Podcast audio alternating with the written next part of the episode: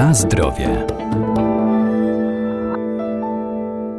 Jest wiele metod odchudzania, mniej i bardziej zdrowych. Tak zwana przerwa od diety zakłada kilkudniowe okresy zwiększonej podaży kalorii, co pomaga uniknąć efektu jojo i pozwala na odpoczynek. Zaś IF, czyli przerywany post, jest bardzo popularny wśród osób, które chcą redukować masę ciała, a nie mają czasu na przygotowywanie posiłków.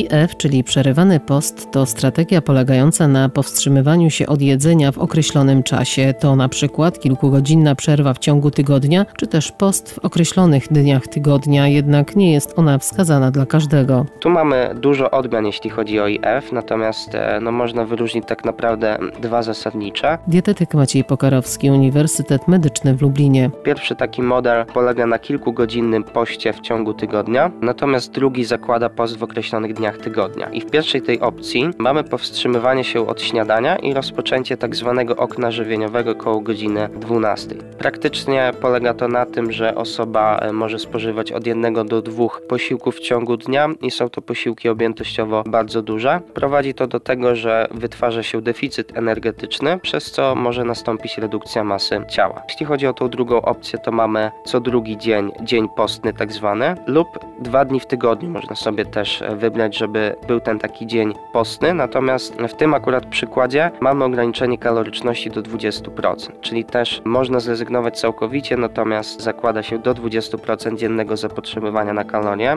żeby te posiłki pokrywały. Również tutaj mamy odnoszenie się do postu, jakoby on korzystnie wpływał na procesy metaboliczne. Jest to tak naprawdę wygodne narzędzie, jeśli chodzi o osoby, które nie mają czasu na przygotowywanie posiłków. Jest to rozwiązanie w kontekście odchudzania, ponieważ jeśli rozmawiamy o budowaniu masy mięśniowej, no to wówczas taka strategia może okazać się nieskuteczna, ponieważ tutaj no, istotniejszy jest odpowiedni dowóz białka w ciągu dnia w 3-4 posiłkach. Natomiast w tym intermittent fasting mamy tak naprawdę czasami jeden do dwóch posiłków w ciągu dnia i wszystko tak naprawdę kręci się tutaj wokół odpowiedniego deficytu energetycznego, który jest najważniejszy w procesie odchudzania. Więc jeśli będziemy spożywać mniej kalorii niż organizm w danym momencie potrzebuje, no to wówczas będzie ten spadek masy ciała następował.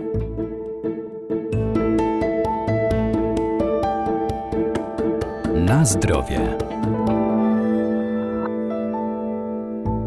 Stopniowa redukcja masy ciała przerywana krótkimi okresami, w których można powrócić do wcześniejszego odżywiania się, ma pozytywny wpływ na organizm i przynosi lepsze efekty, zaś długotrwały deficyt kaloryczny może prowadzić do zaburzeń czy chorób. Intermittent dieting jest to tak naprawdę przerwa od diety. Można powiedzieć, że wtedy osoba, która jest na diecie redukcyjnej, bierze sobie takie wolny urlop. Zakłada to okres zwiększonej podaży kalorii, czyli spożywamy w tym okresie intermittent dieting większą ilość kalorii niż w momencie, kiedy redukowaliśmy masę ciała. I w tej kategorii też powinien być ten intermittent dieting rozpatrywany, czyli u osób, które długotrwale się odchudzają. Wykazano, że stopniowa redukcja masy ciała, która jest przerywana właśnie takimi okresami, kiedy powracamy do, można powiedzieć, wcześniejszego odżywiania, daje lepsze efekty, ponieważ zarówno człowiek ma taki moment dla siebie, żeby odpocząć psychicznie, ze względów po prostu działania na psychikę takiego długotrwałego odchudzania również może być destruktywne. No i również z punktu widzenia takiego fizjologicznego, czyli fizjologii człowieka, ciągle redukując, zmniejszając tą masę ciała, musimy być na deficycie kalorycznym. No i pomimo efektów, które oczywiście będziemy osiągać, wizualnie będzie to widoczne, natomiast w środku w organizmie wewnętrznie może dojść do niekorzystnych zmian w zakresie czy to masy mięśniowej, czy gospodarki hormonalnej. Może to skutkować pod kątem hormonów, na przykład spadkiem wydzielania tarczycy czy insuliny, co może później również zaburzyć pracę w kontekście gospodarki węglowodanowej, czy nawet chorób tarczycy. Te okresy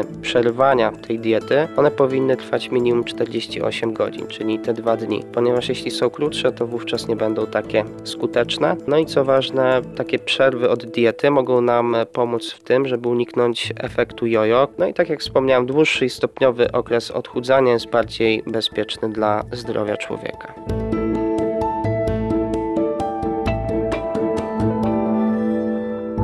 A jeżeli postanowimy zmienić swoje dotychczasowe nawyki żywieniowe i myślimy o konkretnej diecie, to zawsze warto taką decyzję skonsultować z dietetykiem bądź lekarzem.